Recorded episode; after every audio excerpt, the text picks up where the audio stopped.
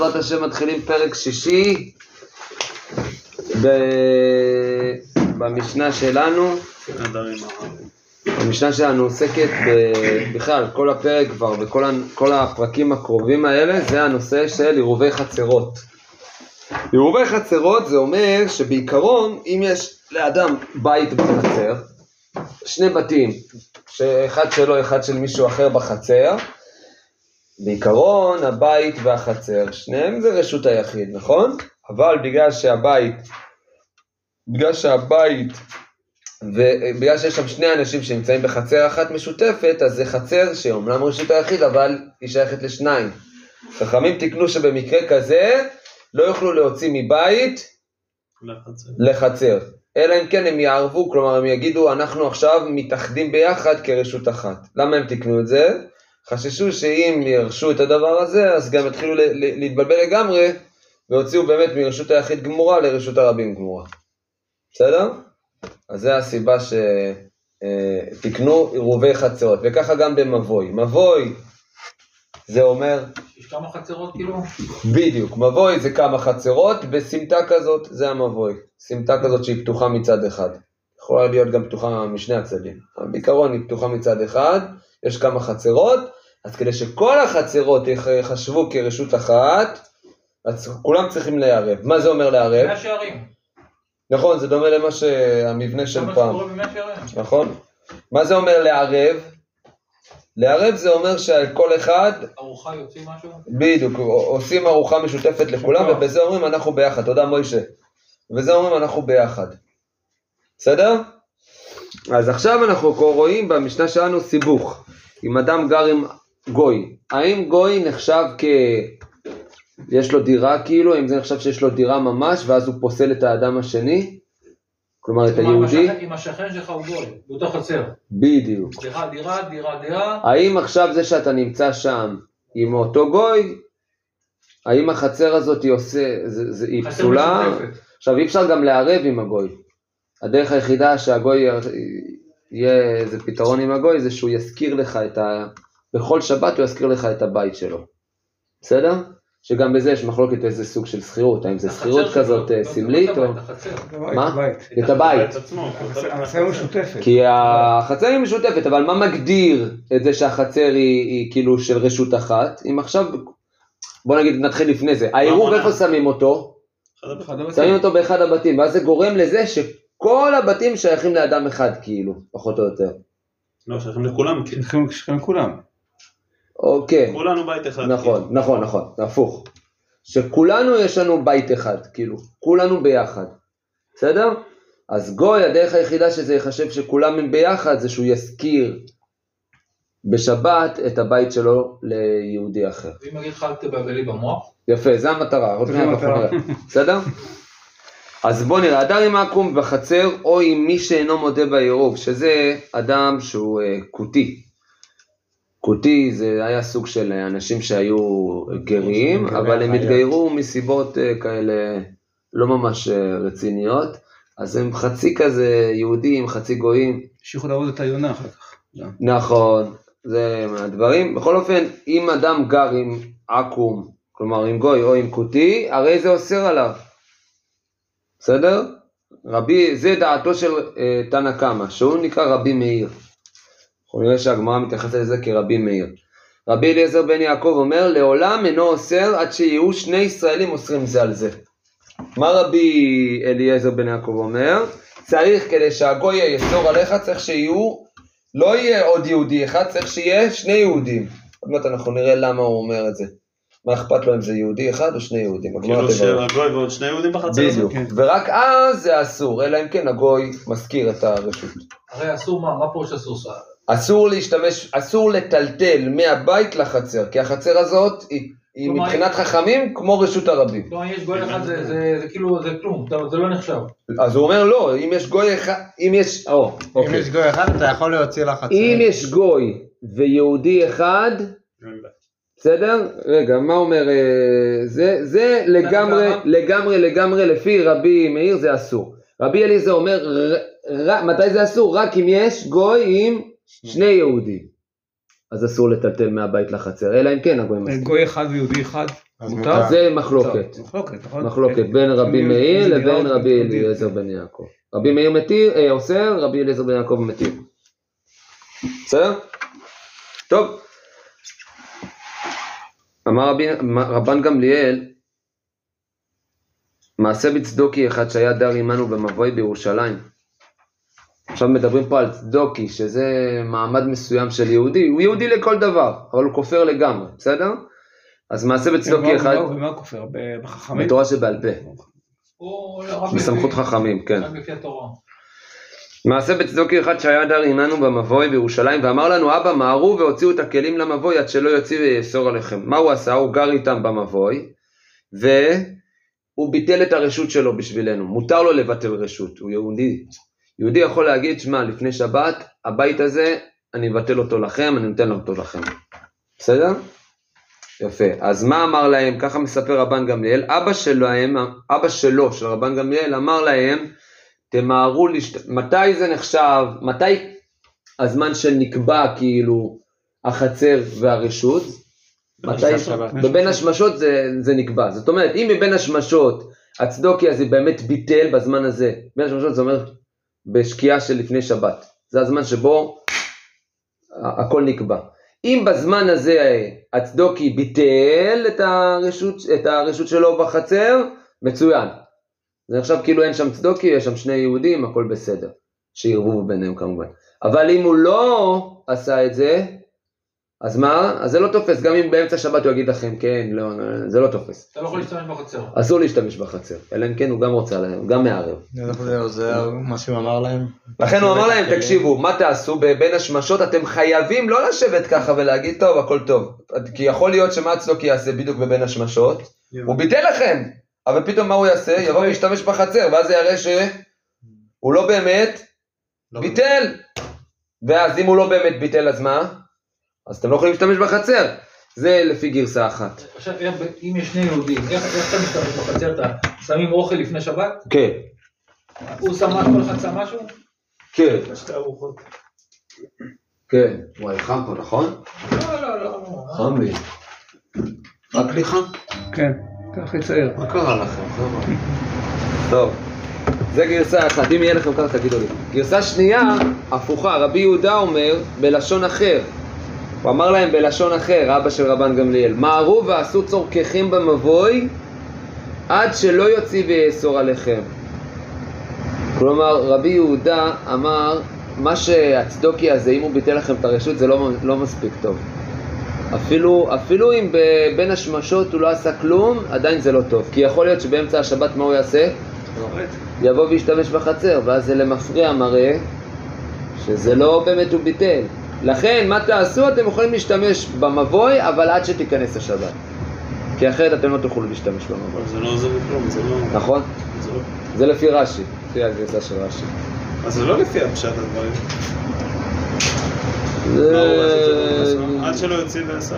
עד שלא יוציא ויאסור עליכם. מהרו ועשו צורככם במבוי עד שלא יוציא ויאסור נכון. אתה צודק, זה קצת אה, לשון אה, מעניינת. אפשר לעיין בזה. בסדר, יגאל? נמשיך. יתיבה ביי ברבין, אנחנו בגמרא עכשיו. יתיבה ביי ברבין, אנחנו נלמד עד אה, לקראת סוף העמוד, עד לגופה. אה, שש, שש אה, שורות מלמטה. יתיב אביי בר אבין ורב חינן בר אבין ויתיב אביי גבאיו ויתווה וקמרי שלושתם ישבו ושניים שמול אביי אמרו בשלמה רבי מאיר סב- כסבר למה רבי מאיר פוסל.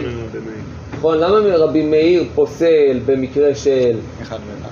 של אחד, אפילו במקרה של אחד ואחד, כי בשלמה רבי מאיר כסבר, דירת עובד כוכבים, שמה דירה, ולא שנה אחת ולא שנת רי. אם הדירה של הגוי נחשבת דירה, אז זה בכל מקרה הוא פוסל גם אם יהיה שם עוד, אם יהיה שם יהודי אחד או יהיה שם שני יהודים. זה מובן. אלא רבי אליעזר בן יעקב מייקה סבר, אי אפשר לעשות שיתוף איתו? אי אפשר לעשות איתו שיתוף. בסדר? ועוד מעט אנחנו נראה גם למה בכלל ברגע שיש לו. חלק בחצר, אבוד. אבוד. זה בשלב הזה. אלא רבי אליעזר בן יעקב מכה סבר, איכא סבר דירת עובד כוכבים שמה דירה, אפילו חד נמי ניצב. אפילו יהודי אחד שגר לידו אוסר. ואם לא נחשב דירה, אפילו תרי נמי לא ניצר. הבנתם את השאלה? אפילו שניים שיהיה מותר לו. אם- מה החלוקה הזאת? מה, למה אתה מחלק אם זה אדם אחד או שניים? נכון רבי אליעזר אומר, רק אם זה שניים זה אוסר, מה זה משנה? אם הדירה שלו נחשבת דירה של הגוי, אז מה זה משנה אם אחד או שניים? בסדר? אמר להו אביי, אז הם שאלו ועכשיו רביי עונה להם. אמר להו אביי וסבר רבי מאיר דירת העובד כוכבים שמה דירה? האם הוא סובר את זה? והתניא, יש ברייתא מפורשת בהמשך העמוד, חצרו של עובד כוכבים הרי הוא כדיר של בהמה. כלומר, גוי, לא, אין לו שום משמעות לדירה שלו מבחינת העירובין. זה לא נוגע בשום דבר, זה אפשר כמו, להתעלם. זה כמו דיר, כן? אפשר להתעלם לחלוטין. אפילו רבי מאיר סובר את הדבר הזה. כמו שלא תעשה עם תרנגולת עירוב. בדיוק, אתה לא צריך לעשות עם תרנגולת עירוב, כן? ואחא בגזירה שמא ילמד ממעשיו כמפלגי. אלא לכולם. מה מדובר פה? ב... רגע, איפה זה? אלא, סליחה, אלא דכולי עלמא דירת תקום לא שמע דירה. באמת, כולם סוברים, גם רבי מאיר וגם רבי אליעזר בן יעקב, אין לגוי שום משמעות מבחינת הדירה שלו. אבל למה כן צריך, למה כן הוא אוסר אז? שם בגזירה שמא ילמד ממעשיו כמפלגי. רוצים לגרום ליהודי שלא יהיה לו אינטרס לגור ליד הגוי וילמד מה- מה- מהמעשים שלו. יותר חושב ש... בכוונה אמרו שזה כן דירה בכדי שהוא לא יוכל להשתמש בחצר. שהוא יגיד, מה, זה סיבוך, עוד מעט אנחנו נראה, בוא נראה את זה, העירוב חצרות הוא- רק בארץ או גם בחו"ל? בהכל, בתולים גם? כן? בטח, זה לא- זה לא קשור, זה לא מצווה שתלויה בארץ. כמו כל שבת, שבת תלויה לא בארץ, בכל מקום. אותו דבר, עירובין זה חלק ממצוות שבת, רק שזה גזירת חכמים יותר. טוב? גם אפילו במרוקו. אימא בימה. ואחא בגזירה שמא ילמדים מעשיו כמפלגי. רבי אליעזר בן יעקב סבר, כיוון דעובד כוכבים חשוד השפיכות דמים, תרי דשכיחא דדיירי גזרו בהו, חד לא שכיח לא גזרו ברבנן. ורבי מאיר סבר זימני דמקרי ודייר. נקודה. עד לפה בואו נ- נעצור פה. מה רבי מאיר ורבי אליעזר בן יעקב אומרים? תכלס, באמת אנחנו לא רוצים גזירת חכמים זה שהאדם לא ילמד, לא ירצה לגור ליד הגוי. כלומר, למעשה הדירה שלו כן דירה. הדעה שלו לא לא דירה, אבל אנחנו אומרים שהוא פוסל את היהודי, וככה זה יגרום ליהודי להגיד לא שווה לי לגור איך הוא לידו. פוסל את היהודי? את העירוב. אתה לא יכול עכשיו להשתמש בחצר. מה- מה מה פוסל לו? מה? חכמים קבעו. ברגע שאתה אומר שהדירה לא דירה. חכמים אז קבעו, גזרו, אה, גזרו, זה גזירה. שכל שגר לידך, החצר אתה לא יכול להשתמש בה. בדיוק. אלא אם כן הוא מזכיר לא לך. יכולה... בסדר? אלא אם כן הוא מזכיר. עכשיו, אז למה יש חילוק? כי רבי מאיר אומר, בוא נתחיל קודם כל מרבי אליעזר בן, בן רבי יעקב. רבי אליעזר בן יעקב אומר, רק, מה יותר, מה מצוי? הגזירה של חכמים זה רק במקרים מצויים. איזה מקרים מצויים? אם יש שני יהודים שגרים ליד גוי, ולא יהודי שגר ליד גוי. למה? כי אחד לא ירצה לגור ליד גוי, אחד כי לא הם ירצה ליד- חשודים על אה, חשודים על שפיכות שפיכות דמים. אף אחד לא ירצה לגור, זה לא מצוי שיהודי ירצה לגור, אז הגזירה לא שייכת בזה. ורבי מאיר אומר, לפעמים כן יכול להיות. ולכן גם במקרה כזה, זה אומר שהם גז- חכמים גזרו את זה גם על מקרים גם על שהם מקרים כאלה, לא שכיחים. לא שכיחים. זה צריך לעיין בעניין. בסדר, אה, עיגול, יגאל. אוי בואי, עכשיו אנחנו ממשיכים. ואמרו רבנן, אין, אתם רואים את זה? ואמרו רבנן? ואמרו רבנן, אין עירוב מועיל במקום עכו"ם ואין ביטול רשות מועיל במקום עכו"ם עד שיזכיר. ועכו"ם לא מוגר. חכמים גם תיקנו שזה לא יעזור אפילו שהגוי יבטל את הרשות שלו. עד שהגוי יזכיר, מוגר זה מלשון להזכיר, יזכיר להם, זאת אומרת, הם, הם ישלמו, הם ישלמו לגוי להשתמש, כדי להשתמש בבית שלו, רק לשבת. למרות שהוא יכול לגור שם. רק במקרה כזה זה נחשב שאפשר לעשות עירוב ואפשר לתקן מבית. הוא יכול לחצר. להמשיך לגור שם כביכול. הוא לא יכול, הוא יכול ברשות של היהודים, כן. כן. אם אתה רוצה, עוד מעט אנחנו נראה שיש בזה מחלוקת. רוצה לצאת לבית טוב, מה הכנסת, יעברו רוצה- ללכת לבית הכנסת, אתה חייב לעבוד בחצר שלך. נכון. תבוא עם הטלית וכל הדברים. היום, בימינו, לא, אה, אם לא עשית עירוב ואתה גר ליד הטלית, גוי, זה לא ואלה. שהם ביטלו את זה כי גזרו, שאי אי אפשר בגלל הגוי, אתה יכול לעבור בשביל ל- ללכת לבית הכנסת, לעבוד לחצר עם הטלית וכל הדברים האלה, אתה לא יכול לצאת. יכול ללבוש את בכללי הכלל. אבל אתה לא יכול אתה חייב לשים מראות הטלית בבית הכנסת, לא יודע. בכללי מהחצר לזה אתה לא יכול. מהחצר לא, לרשות הרבים אתה לא יכול. אם לובשים את הטלית, אפשר לצאת. צריך להכין הכל. לא, נגיד ש... לא, אבל ש- היום הכל נחשב עירוב. לא ש- היום, נגיד במקום שברשות הרבים. עשו עירוב, נגיד. אין רשות לא, אין. הרבים עם עירוב. אין. זה רק בכרמלית אפשר לעשות עירוב. אתה מדבר על כרמלית כאילו שזה לא רשות היחיד ולא רשות הרבים, זה לא, כשאתה באמצע. עושה, אז אתה כולל כבר את היחיד, עושים על הכל. נכון, וצריך לעשות עדיין החצר שלך שיתוף. בסדר. עושה? החצר שלך בסדר. מדבר חוץ לארץ, שאין עירובים, נכון. ואתה רוצה להשתמש בחצר, נכון. אז אתה צריך זה לעשות בעיה את ה- לכאורה. לכאורה זה אתה לא בעיה. יכול להוציא לו מהבית לחצר, לא מהחצר לבחוץ. אלא אם כן הגוי יזכיר לך אם זה חצר משותפת. שבארצות הברית יש בעיה של עירובים, אי אפשר ללכת לבית הכנסת עם טלית וכל הדברים, זה בעיה. נכון.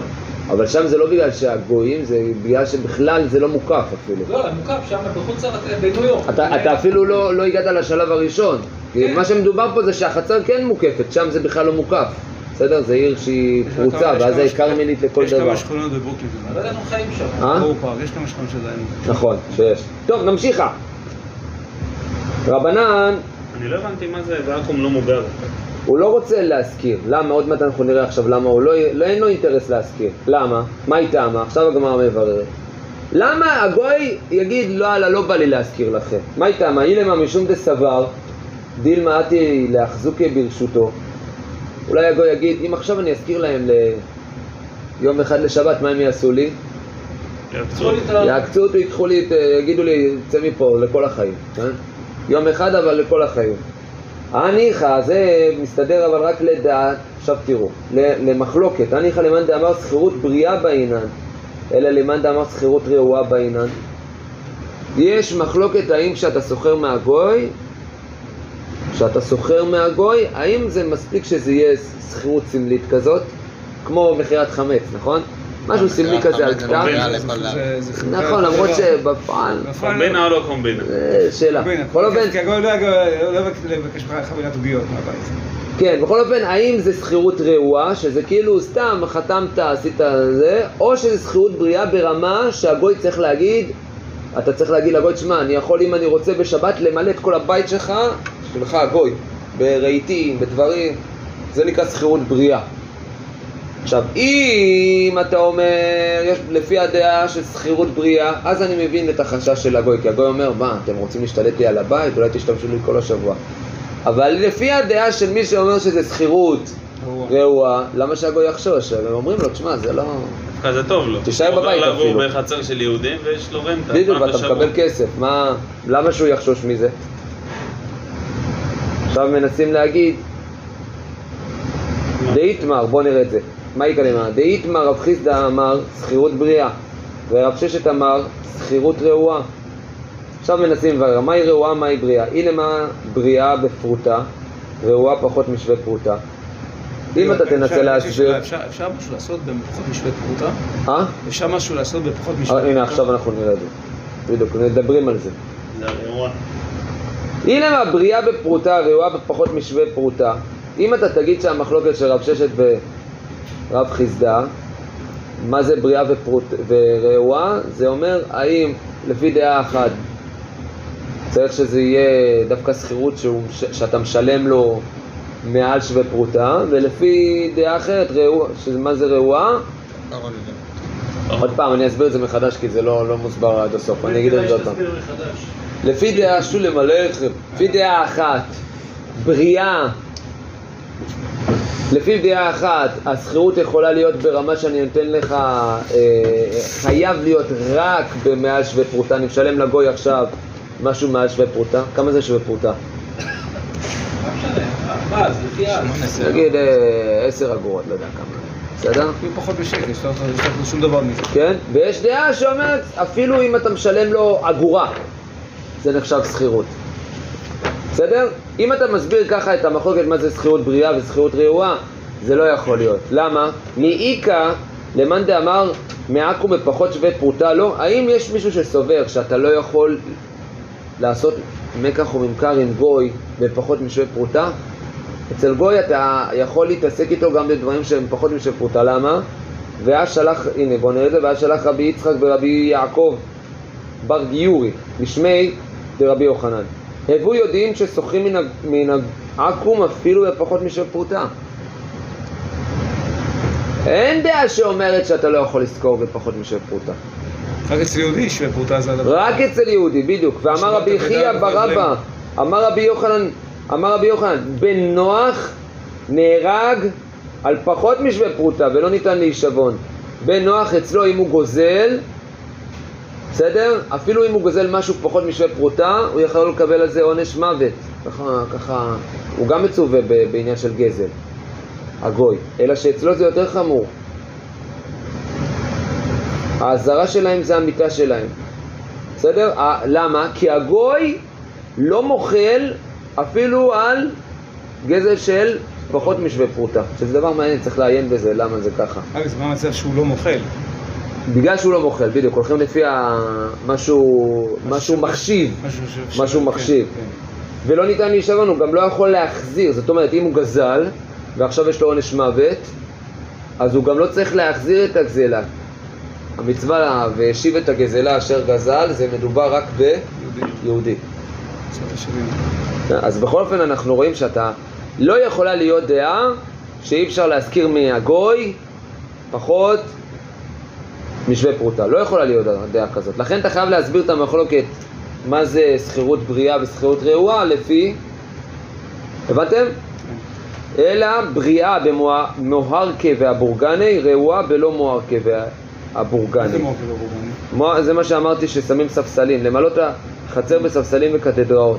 זאת אומרת, אם המחלוקת באו של... לגוי שאתה בא ויכול לעשות משהו שאתה רוצה בבית שלו. האם כשאני סוחר מהגוי עכשיו, אני צריך, אני חייב שהגוי יאשר לי לגמרי לעש- לעשות מה שאני רוצה בבית שלו, שזה שכירות בריאה, או שכירות רעועה, שזה משהו סמלי, אני, תיתן לי, אני נותן לך כסף ותיתן לי את הבית כזה, לא. כזה הערמה. הוא לא יסכים לתת בית. אה? יפה. עכשיו, אם אתה אומר, הניחא למאן דאמר שכירות בריאה בעינן, מצוין, אני מבין למה הגוי יחשוש. אלא למאן דאמר שכירות רעועה בעינן, מה יקא לממר? תשובה, אפילו אחי חשיש עובד כוכבים לכשפים ולא מוגר. מה הגוי יגיד? תגיד לו, נו מה אכפת לך, זה שכירות רעועה, למה אתה לא, לא תסכים להזכיר לי? אני פוחד שתעשה לי שם כשפים, לא יודע מה אתם עושים היהודים וזה, לא תעשה לי כשפים בבית שלי, לא רוצה לתת לך. ואם הגוי יתחיל לעשות בעיות, אז היהודי יגיד לעצמו, וואלה, לא שווה לי שם. לגור עם הגוי, והנה. החכמים השיגו את המטרה של, של הגזרה, שלא נגור עם הגוי. בסדר? סיכום של הדברים. אז מה ראינו? יש לזה עוד המשך, תראו לכם שהעמוד הבא מסובך. ישבתי על זה, לא... בעיקרון הרב אביב רצה שאנחנו נלמד עוד, עוד עמוד, אבל אני ביקשתי שנעשה רק עמוד אחד. כי תפסת מרובה לא תפסת. אתה מסכים איתי, נדב? אני אישית כן. לא מסכים. כן? הרב אביב חושב שזה טוב לעשות הספק גבוה, וזה כאילו...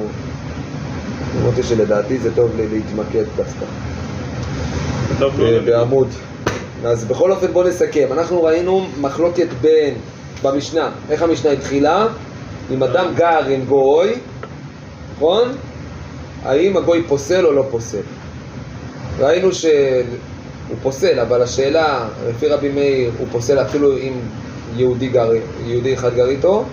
לפי רבי אליעזר בן יעקב, רק אם שניים ומעלה גרים איתו הוא פוסל. בסדר? שני גויים או שני יהודים? שני יהודים. מי שלא מודה. בעירוב זה זה אקוטי? כן, זה גם הכותי נחשב כמו הגוי במקרה הזה. למה לא מחליפים אותו, בגוי? יש סטטוס מיוחד אקוטי? כי הוא חצי גוי כזה. יש בזה באמת דיון, ב... נראה לי התוספות מתעסק בזה. האם הכותי לגמרי נחשב כמו גוי? לפני שמצאו את היונה. הוא 60 אחוז. כן. אם שמעת חצי ברכה שלו, אתה לא עונה לכל מיני כאלה. באמת? יש דבר כזה, כן? לא. האמת היא שהיה צריך להיות דווקא להפך. דווקא באחד, אני מבין, אחד מול אחד, גוי מול יהודי, אני מבין שזה פוסל.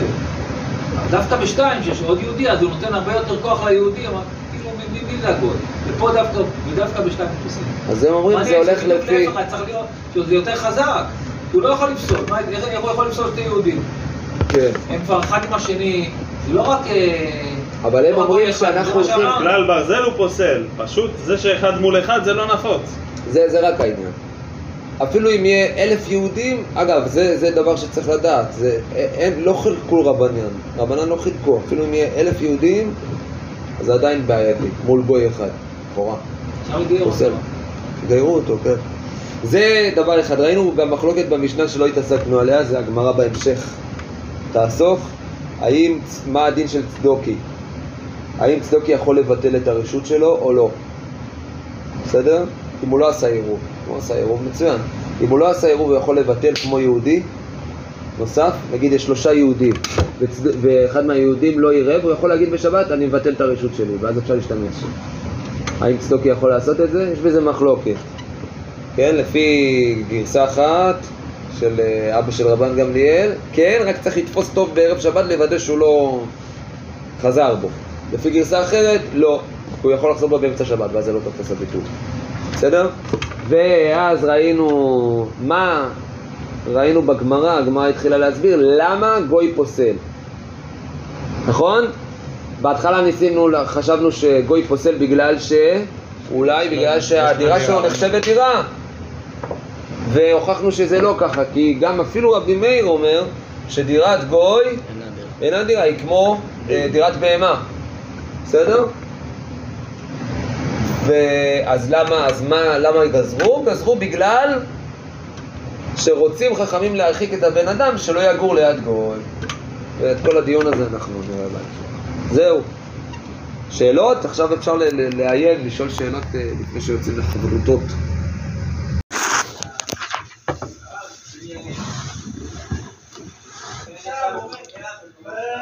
ערב טוב, ברשות מוריי ורבותיי. אז אומנם אנחנו מתחילים באיחור קטן, אבל בכל זאת נפתח בדברי חיזוק. אה, אני בא מחתונה, וחתונה שהחתן מגויס, והאח של הכלה מגויס, והגיס של הכלה... ביום שישי בבוקר דיברתי עם אבא של הכלה, הוא אמר לי שהוא עוד לא יודע מי ישתחרר לחתונה ומי לא. אה, דבר מדהים, כאילו אח של הכלה עוד היה בתוך עזה. בליל שבת אח של הכלה כבר יצא, מתן חורש, זה אח של הכלה. אז הוא, אה, ברוך השם, יצא כבר, אה, בליל שבת כבר אמרו לי שהוא בבית, אבל עמית דנינו, אתה גם מכיר אותו, נכון? עמית דנינו הוא גיס של מתן, הוא גיס של הכלה, אתם מכירים? עמית אה, כן, מגויס? עמית דנינו, כן, הוא מגויס. מגויס. וואלה? עכשיו הוא היה בחתונה עם חליפה ותבור. וואו. אז הוא יצא רק היום בבוקר, סליחה, אתמול בערב, מוצאי שבת, הוא יצא מעזה. וגם החתן מגויס. החתן בעיקרון בדיוק אה, סיים שלוש שנים, אבל אה, לא שחררו אותו, כי בדיוק התחילה המלחמה, אמרו להשתחרר, ולא שחררו אותו. אז, אה, אז הוא לא בעזה, אבל ההתלבטות, לקיים את החתונה, לא לקיים את החתונה, כמו הרבה זוגות שהתלבטו, וההחלטה שלהם הייתה ממש ערכית, מהרמה הזאת של עכשיו זה זמן להוסיף אור וחיים בעם ישראל. ו- וזה התרומה שלנו, כן, זה מורכב, זה אולי לא החתונה בדיוק בצורה שחלמנו עליה, אנחנו לא יודעים מי יוכל לבוא, מי לא יוכל לבוא, אנחנו מתחתנים. וזה אמירה מאוד מאוד גדולה וחזקה, שזה החיזוק היומי שלנו להיום.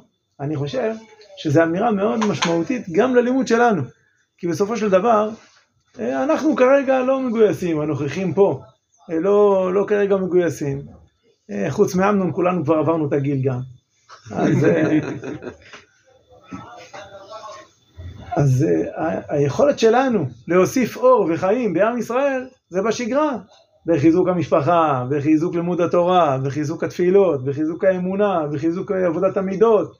זה להרבות אור וחיים בעם ישראל, זה זכות גדולה במיוחד בזמן כזה של מלחמה. אז חזק ונתחזק. מה היה לנו היום? אה, הסוגיה שלנו דף אה, ס"ב עמוד א', בעצם אה, מהמשנה, מתחילת פרק שישי, גם להתחיל פרק זה התחדשות, זה דבר גדול. ברוך אתה ה' אלוהינו מלך העולם שהכל נהיה בדברו.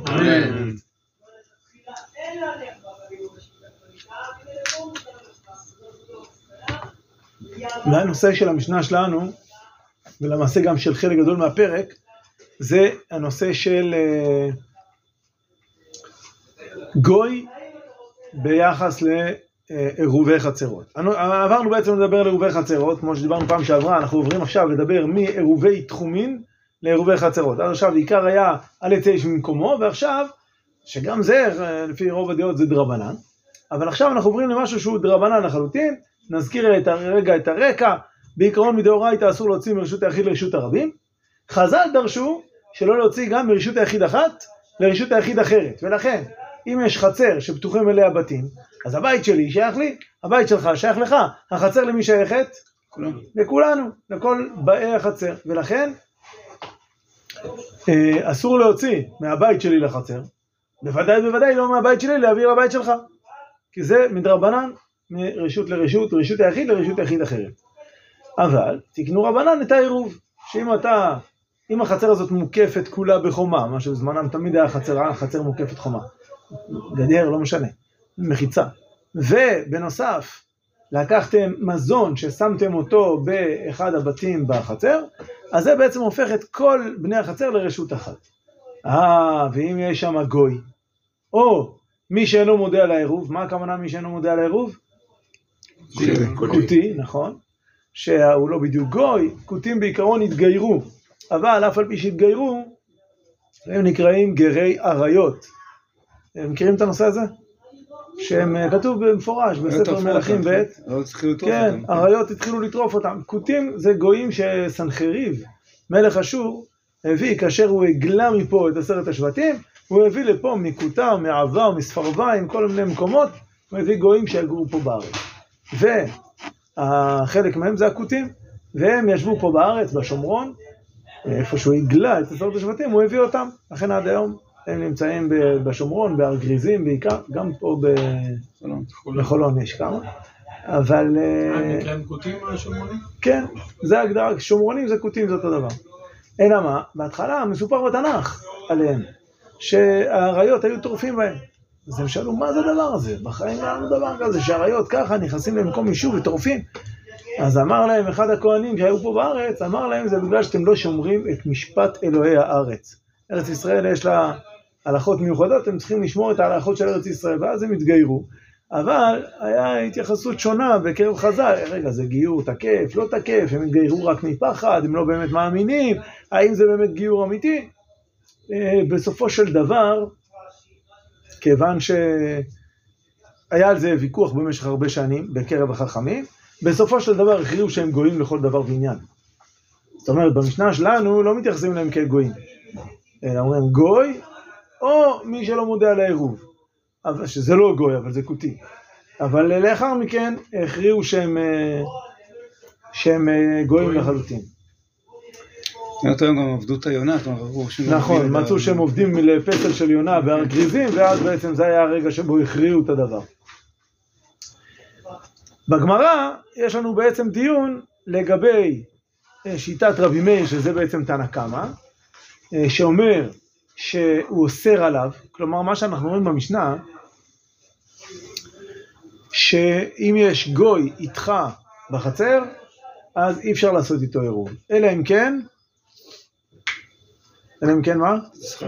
אלא אם כן אתה שוכר ממנו את הבית, נכון.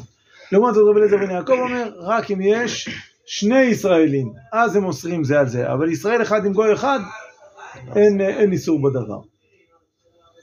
והגמרא דנה אם זה בגלל שזה חצרו של עובד כוכבים, אה, דירת עובד כוכבים שמה דירה או לא, ואם זה שכירות בריאה או שכירות רעועה, ומגיעה לגמרא מגיעה למסקנה שבעצם המחלוקת בין רבי מאיר לרבי אליעזר בן יעקב זה שלכל הדעות בעצם דירת הגוי לא שמה דירה ולכן הוא לא אמור לאסור אלא מה?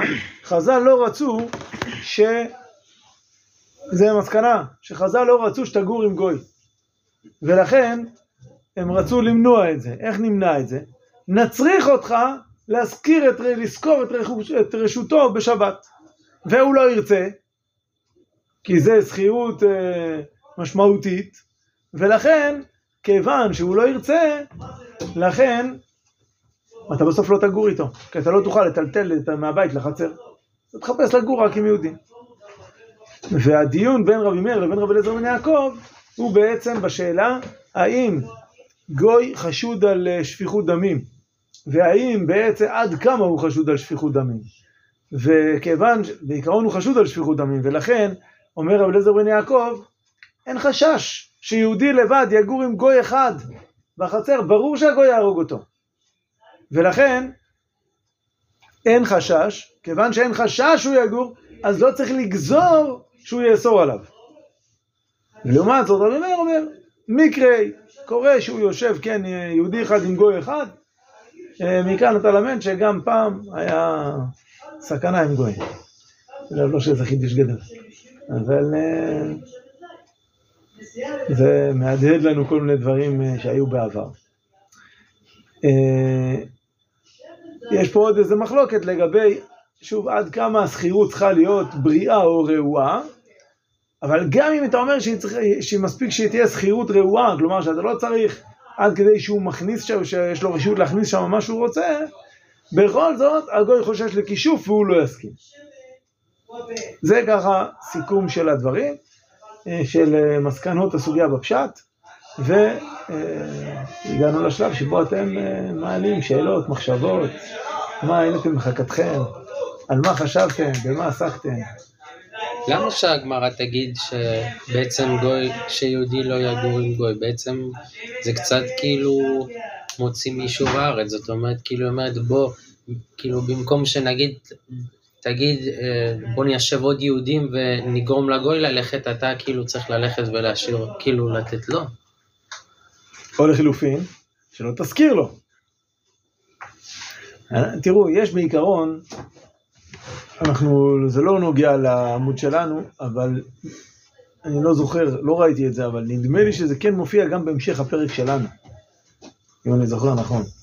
אה, הנושא של, בוודאי יש על זה סוגיות שלמות בגמרא, שאסור להשכיר דירה לגוי בארץ ישראל, ואסור למכור דירה לגוי בארץ ישראל. זאת אומרת, מלכתחילה, אם יש חצר של יהודים, אסור לאף אחד למכור לגוי. אני מתחיל להתחרט שאני מקליט את השיעור, כי ייכנסו בי. לא, אבל זה, זה הלכה ידועה. כן, אתם יודעים שהרב שמואל אליהו, למשל, הרב של צפת, אה, פרסם את ההלכה הזאת, ו... כמעט עלו אותו. כן, טוב, אני לא עובד מדינה, הוא עובד מדינה, זה יותר בעייתי. כלומר, אני עובד מדינה בתור מורה, אבל לא בתור רב, אז זה פחות... אה, על כל פנים, הרב, אבל יש מהאחרונים שיגידו שאם זה עם שכבר פה בארץ, אז הוא כאילו רק אה, מחליף מקום כזה, אז... אה, אבל זה יש, לך מצווה להוריש את הגויים, אתה בכלל אמור ליישב פה שוב, הנושא הזה אנחנו לא ניכנס אליו היום, נדמה לי שהוא כן מופיע בהמשך הפרק שלנו, אבל גם אם לא, יש על זה סוגיות שלמות, על הנושא הזה, ש... אבל בוודאי שהעיקרון הוא, מה שאיתי אומר זה נכון, שהיה היתרים בפועל להשכיר לגוי, האחרונים התירו את זה בהרבה מאוד מקרים, אבל מצד שני ברור שאם זה בסופו של דבר פוגע ביכולתם של יהודים לגור שם, מה שקורה בהרבה ערים מעורבות, ולא רק בערים מעורבות. אה, זה יותר ויותר קורה גם בערים שהן לא מוגדרות בתור ערים מעורבות. גם בבת ים, למשל, מתחילים ערבים להיכנס. באים ערבים מיפו, שוכרים דירה בבת ים. עכשיו, ברגע שערבי שוכר דירה, האחרים בבניין, לא כיף להם. אז הם, ערך הדירות יורד, הם רוצים למכור, רוצים לעזוב. זה, זה, זה דבר שאנחנו רואים אותו בצורה מאוד מאוד גורפת. הסיכוי לנישואי תערובת ביפו בת ים יותר גרוע מאשר בחולון למשל. נכון? שם כמעט אין ערבים. נכון. עכשיו, יש למשל ב- בלוד, שכונה שנקראת רמות אשכול, אה, שכונה ששם היה את אה, עיקר המהומות ב- בשומר החומות לפני שנתיים וחצי, וזו שכונה שבמקור נבנתה בכלל לאנשי קבע, יהודים. אבל אז המדינה הביאה לשם איזה כמה משת"פים, אני חושב, איזה כמה משפחות של ערבים משת"פים. וברגע שהם נכנסו למעט בניינים, אז הם התפשטו, ושוב, כל, כל בניין שנכנס בו אחד, אז הוא עושה בלאגן, והם בכוונה גם עושים את זה, כדי להוריד את ערך הדירות, ואז הם יוכלו לרכוש עוד. ובקיצור, זה נוצר מצב ש-90% מהשכונה היה אה, ערבי. אז עכשיו הגרעין התורני נכנס חזרה, מנסה כמה שיותר לרכוש, נכנסים לשכור, אז עכשיו זה התאזן קצת, יש עכשיו 70 אחוז ערבים. אבל עדיין, זה, זה מורכב מאוד. אז זה בוודאי שבעייתי, כאשר אתה יודע שזה לא סתם, לא משנה, הוא גר שם, הוא גר פה. אלא זה, אם יש לך דירה בבעלותך בג'נין, אז הגיוני שמותר לך לזכור, לא משנה אם הוא יגור בבניין הזה בג'נין או בבניין הזה. אבל אם יש לך דירה בלוד או בחולון, אז זה כן, מאוד בעייתי שתזכיר לערבים. אבל פה בכלל דיברו על הארץ, כאילו... זה לא בהכרח בארץ, נכון. נכון. פה מה ש- במערכת הלימוד שעשינו, אז הסתכלנו, ויש פה כביכול שני סיבות, שמא ילמד ממעשיו, וחשות השפיכת דמים.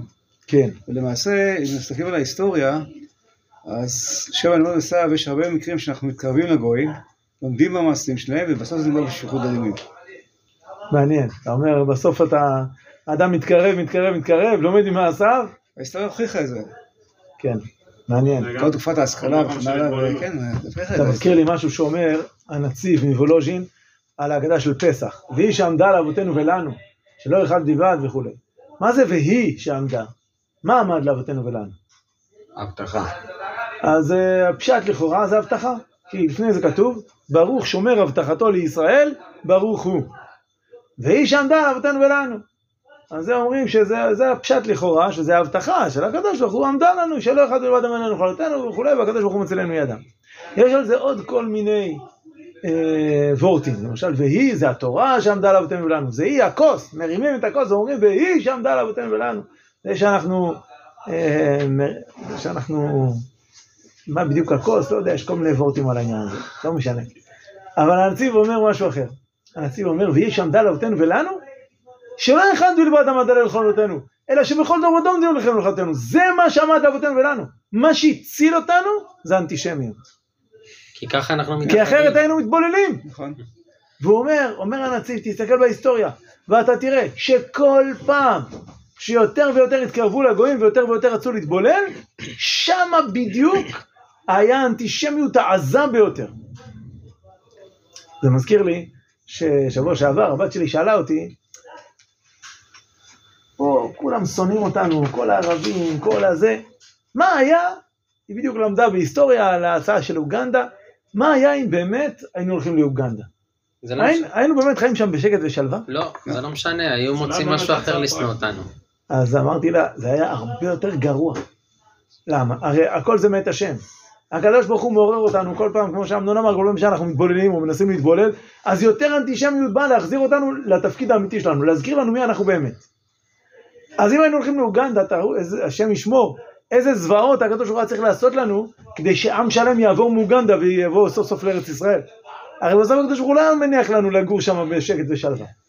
יש לנו תפקיד פה בארץ ישראל, אנחנו לא סתם פה כי זה ארץ טובה ורחבה, ארץ נחלי מים יוצאים בבקעה ובהר. הוא גם שירה לו את הארץ. זה הבונוס. אף אחד לא הצליח להתיישב בארץ במשך זה אלפיים גם. נכון, נכון.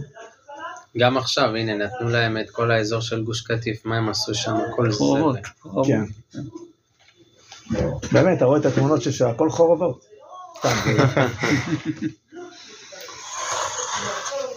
כן, עוד מישהו רוצה להגיד משהו על העמוד שלנו. אז אני אגיד משהו. כן, אה, הרב ינון שאל למה, נוכרי נהרג אה, על פחות משווה פרוטה. זה חזק מדי, עונש קשה מדי. כן. לא רק שנוכרי נהרג על זה, אלא בכלל שיש דבר כזה גזל בפחות משווה פרוטה אצל גוי. אצל יהודי, פחות משווה פרוטה זה לא נחשב גזל, לא דנים על פחות משווה פרוטה. ואצל גוי, כן, זה לא רק שזה נחשב גזל, אלא עד כדי כך שנהרג עליו. אז קודם כל, עזוב פרוטה לא פרוטה, זה שגוי נהרג על גזל. כן, זה מה שאני גם, מה, ישראל לא נהרג על גזל, אז גוי אתה מחמיר איתו עוד יותר, שכאילו כן. בכלל לא מחויב. הוא מחויב. כאילו מחויב בשבע מצוות בנוח, זה אבל לא מהן. מחויב כמוה. גזל זה אחת משם מצוות בני נוח. כן, אבל לא מחויב כמונו. לא, נכון. דרישת מוסר ממנו יותר גבוהה מהיהודי. אז זה נראה, זה. נראה, נכון, זה נראה אני- כאילו, אני אמרתי, נתנו לכם רק שבע מצוות. הגיוני שייתנו לכם מוות על לעבור עליהם, כי זה רק שבע, כאילו, מה אתה עכשיו, גם את השבע האלה לא תשמור? כן. רק שבע. אני חושב שיש פה דבר נוסף, שזה לא רק שבואנה, מה כבר מבקשים ממך? שבע מצוות. שזה גם יכול להיות כיוון. אני חושב גם שירדה תורה לסוף דעתו של הגוי, ואומרת, אצל גוי, כאשר זה מידרדר לגזל, המרחק בין לגזול את ממונו של חבר, לבין לגזול את אשתו, שזה גילוי עריות, שזה גם אחד משלט זונח, לבין לגזול את חייו, המרחק הוא מאוד קטן. וזה מה שראינו בעצם בדור המבול. דור המבול מלאה הארץ חמאס.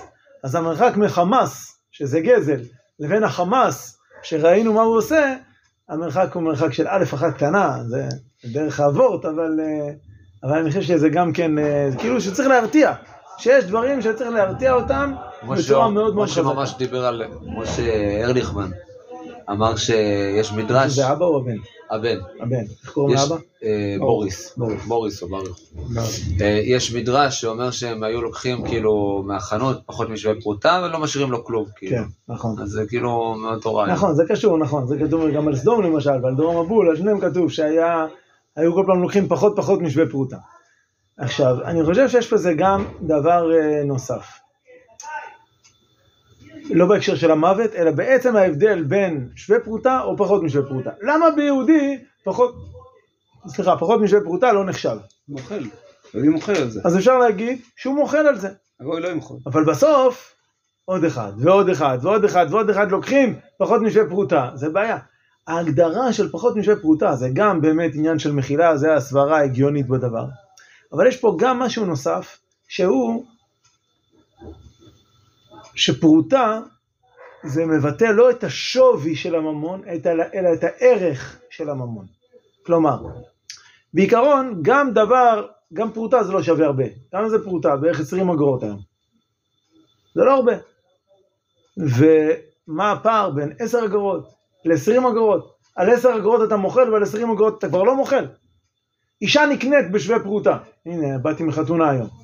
אז uh, הרב, כמו בהרבה חתונות, הרב שערך את החופה, שאל את העדים, הראה להם את הטבעת, תסתכלו בטבעת בעיון, תגידו, לדעתכם היא שווה לפחות פרוטה? ואז uh, כל הקהל מגחך, וזה ההפוגה הקומית בחופה. מה, מה, עכשיו זה ברור, זה שווה הרבה יותר מפרוטה, אבל לפחות פרוטה. מה זה הדבר הזה שאישה נקנית בפרוטה? מה? וזה, פחות מפרוטה כבר לא מתאים לה, לא עשר אגורות, זה מעליב. חצי שקל זה סבבה. מה, מה, איזה מין, זה דבר מוזר. זה בגלל שלא בגלל חלילה, זה לא מבטא את השווי של האישה. שווי של האישה, גם 10 מיליון דולר לא יכול להעריך אותו. כדי שיחול משהו צריך משהו. שיחול משהו. אבל ההכלה של הקשר חייבת להיות על משהו שלא רק שהוא שווה, גם אה, חצי פרוטה זה שווה משהו. כי עוד חצי פרוטה ועוד חצי פרוטה ועוד חצי פרוטה, בסוף תקנה עם זה מסטיק בזוקה. אבל העיקר הוא לא כמה שווי של זה, אלא העיקר הוא שיש לזה ערך. כלומר זה נקרא ממון. זה הגדרה של ישות ממונית. גם לחפצים יש להם מהות, וגם לממון יש לו מהות. דבר שיש לו שווי של פרוטה, אז זה לא רק שווי, זה ערך. זה קשר ממוני שיוצרים אותו דרך הפרוטה. ולכן, גם כאשר אדם יהודי, אז יש לו גם כן קשר רוחני אל הממון שלו. צדיקים ממונם חייבים להם כגופם, ושומרים יותר מגופם, שזה בעצם הכוח של האדם בממונו. למה, למה צדיקים, צדיקים כל כך רודפים אחרי ממון? זה סטיגמה אנטישמית שיהודים כל הזמן רודפים אחרי כסף, אבל לא ציפינו שהגמרא תגיד את זה. אז, אז מה הכוונה? הכוונה היא שיהודי, וכמה שיותר צדיק זה יותר ככה, הוא רואה את הממון בתור שליחות שהקדוש ברוך הוא נתן לו, אמצעי למשהו. קיבלתי רכוש, זה כי הקדוש ברוך הוא נתן לי את זה בשביל שאני אעשה עם זה, שאני אבנה את זה את המשפחה שלי, שאני אעשה בזה אידיאלים, אעשה בזה דברים טובים. ולכן חשוב לי הממון. אבל איפה זה חשוב? במקום שיש בו ערך, מקום שיש בו, שוב, פרוטה זה ההגדרה של ערך רוחני של הממון, ולכן יכול להיווצר הקשר הרוחני בין האדם לממון, ולכן גזל אצל יהודי זה רק בפרוטה. כי פרוטה, הגזל אצל יהודי זה לא לקחת לי מסטיק בזוקה, אלא לקח, פגעת לי בשליחות האלוקית שלי בחיים, בחיים שלקחת מממוני בלי רשות. ולכן, הפגיעה הזאת היא דווקא בפרוטה. אצל גוי זה לא עניין של קשר רוחני אל הממון, הוא לא מרגיש את זה, הוא לא חי את זה. ולכן גם פחות משווה פרוטה זה דבר, ש... זה שווי, גם uh, עשירית פרוטה זה שווה משהו, אז גם על זה זה uh, דבר uh, מהותי. בגלל זה גם תוספות אומר, אני מדבר על עניין קניין, כמו שאתה אומר באישה, קניין. כמו שקשור לקניין, זה משהו שיש לו נכון, ערך. בדיוק. קניין זה המהות של, ה, של הערך, נכון. אני רוצה אה, לנגוע בעוד נקודה אחת. יש פה דיון בראשונים ובאחרונים, מה הדין כאשר יהודים רבים אה, מתגוררים בדירה אחת. זאת אומרת, יש נניח חמישה שותפים גרים בדירה אחת בחצר, וגוי גר בדירה אחרת בחצר, רק שתי דירות בחצר. מה יהיה הדין? הרי יש לנו במשנה מחלוקת בין רבי אליעזר בן יעקב לבין רבי מאיר, נכון? שמה אומר רבי אליעזר בן יעקב? רק שיש שני ישראלים שאוסרים זה על זה, זאת אומרת שני ישראלים כשהם גרים בשתי דירות שונות, והגוי גר בדירה שלישית, נכון? כן. כן. אז מה יהיה הדין כששני ישראלים או חמישה או חמישה עשר, תלוי כמה צפיפות שמה, אבל כולם גרים בבית אחד בחצר, או בניין. בניין לא, בניין לא נחשב. לא, בניין זה כל אחד בדירה אחרת, אז כל אחד זה רשות אחרת. אני בכוונה, זה על אף ברור, שהם על אותו שטח? כן, זה ברור שרבי אליעזר בן יעקב אומר שאם יהיו, הלכה כרבי אליעזר בן יעקב, הגענו לזה כבר היום או שמחר כן, נגיע כן. לזה? אה, לא. שבוע הבא. בעמוד הבא, בעמוד ב', יש אה, דיון שלם על כימי הלכה, ואומרים שבמשנת רבי אליעזר בן יעקב קו ונקי והלכה כמותו. אז הוא בעצם אומר שלעולם אינו אוסר עד שיהיו שני ישראלים אוסרים זה על זה. כלומר, דווקא שנגיד יש ראובן, יש לו את הרשות שלו, לצורך העניין גם בבניין. גם בבניין, אז הוא גר בדירה אחת, שימ- ראובן גר בדירה אחת, שמעון גר בדירה שתיים, ואחמד. גר בדירה שלוש. אז כיוון שהם אוסרים אחד על השני, כי הם גרים בדירות שונות ויש להם רשויות שונות, אז גם נאסר. ולמה? כי אומר רבי אליעזר בן יעקב, זה דבר מצוי. זה דבר מצוי, ולכן הם אוסרים זה את זה. לכאורה, לפי ההיגיון הזה, מה יהיה הדין כאשר גרים שניים באותה דירה? שני שותפים, שני סטודנטים, גרים יחד באותה דירה. הם לא אוסרים זה על זה, כי הדירה הזאת שייכת לשניהם. מצד שני זה ומצד שני זה מצוי. הם לא יחששו, הם שניים, הם שומרים אחד על השני. ולכן, אה, הדבר הזה אה, מופיע למשל הגאות מימוניות על הרמב"ם, אה, זה אחד הפרשנים על הרמב"ם, הוא מביא שבאמת במקרה הזה אין בזה בעיה. כי זה נחשב כמו יהודי אחד עם גוי אחד, וזה לכאורה נגד ההיגיון של המשנה. עושה רגע סדר שוב. לפי ההיגיון של המשנה, זה לפי כמות האנשים, לא לפי... לפי ההיגיון של המשנה זה לפי כמות האנשים, נכון? לא כמות כמות הדירות. כמות הדירות. לא, לפי ההיגיון של המשנה, מה הגמרא הסבירה? כן, כן, כן. אבל. ההיגיון של הגמרא, סליחה. הגמרא הסבירה נכון. שהסיבה היא. שזה לא מצוי, כי לא מצוי שיחיה שפיכות יהודי. אחד עם גוי אחד, כי הוא שפיכות חושב דמים. ששפיכות דמים. ואם כך, בעצם, אם זה שני יהודים, אז הם לא יחששו. אז זה אמור להיות דבר מצוי. ולכן לכאורה, לפי ההיגיון שהגמרא מסבירה במשנה. אמור להיות אסור. ואילו הגות מימוניות אומר שזה מותר. כי הוא מדייק, הגות מימוניות מדייק בדברי רבי אליעזר בן יעקב. עד שיהיו שני ישראלים שאוסרים זה על זה. נכון? כך כתוב במשנה. עד שיהיו שני ישראלים אוסרים זה על זה. במשנה בשורה השלישית. יש בזה גם אה, משהו ברמב"ם, נכון?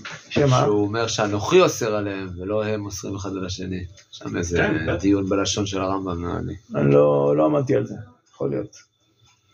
השאלה היא מה, היא- מה בדיוק, אם זה צריך להתקבל שתי התנאים או שתנאי אחד מספיק.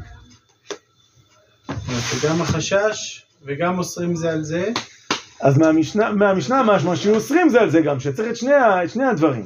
ולכן, לכן אה, פסק הגות מימונת, אבל לכאורה צריך להבין את ההיגיון בדבר הזה. אבל אם זה שני, אם זה שני, צריך את שני התנאים, אז זה לא יכול לקרות, כי אם הם חיים באותו בית, הם לא יכולים לאסור אחד על השני לרשות לא, של לא, עצמם. שיש שני ישראלים שאוסרים זה על זה. כלומר, שני ישראלים שחיים בבית, בבתים נפרדים. זה הכוונה שני התנאים. אוקיי. כלומר, לא תגיד ישראלי אחד שיש לו פה שני בתים, אלא שני ישראלים, כל אחד גר בבית אחר.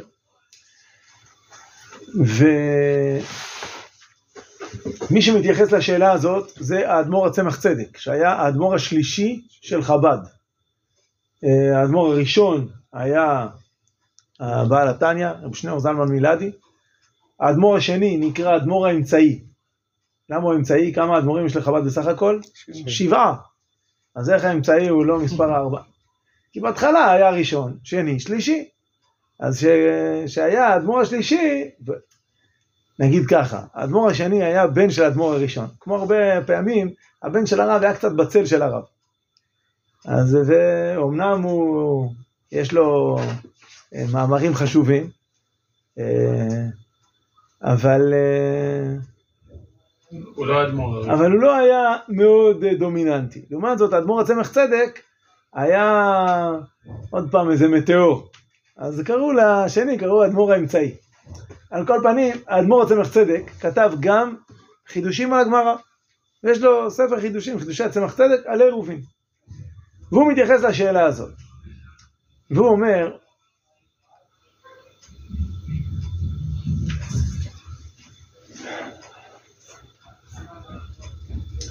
שיש פה בעצם הבדל, הוא לא אומר את זה במילים האלה, אבל אם נחדד את דבריו, הוא אומר בעצם שיש הבדל בין סיבת התקנה לאופן התקנה. כלומר, הסיבה הייתה, מה, מה עורר את חז"ל להגיד שנתקן את התקנה הזאת שגוי ויהודי, אה, גוי וש, ושני יהודים, אז הוא אוסר עליהם, כדי שלא יגורו עם גוי. אנחנו לא רוצים שיגורו עם גוי, נשפכו דמים, לא למדו ממאסר, לא רוצים שיגורו עם גוי, ולכן תיקנו. אבל אופן התקנה היה שהם תיקנו שהגוי לא יוכל לחייב עירובי חצרות, אלא רק במקרה שיש שני יהודים שאוסרים זה על זה.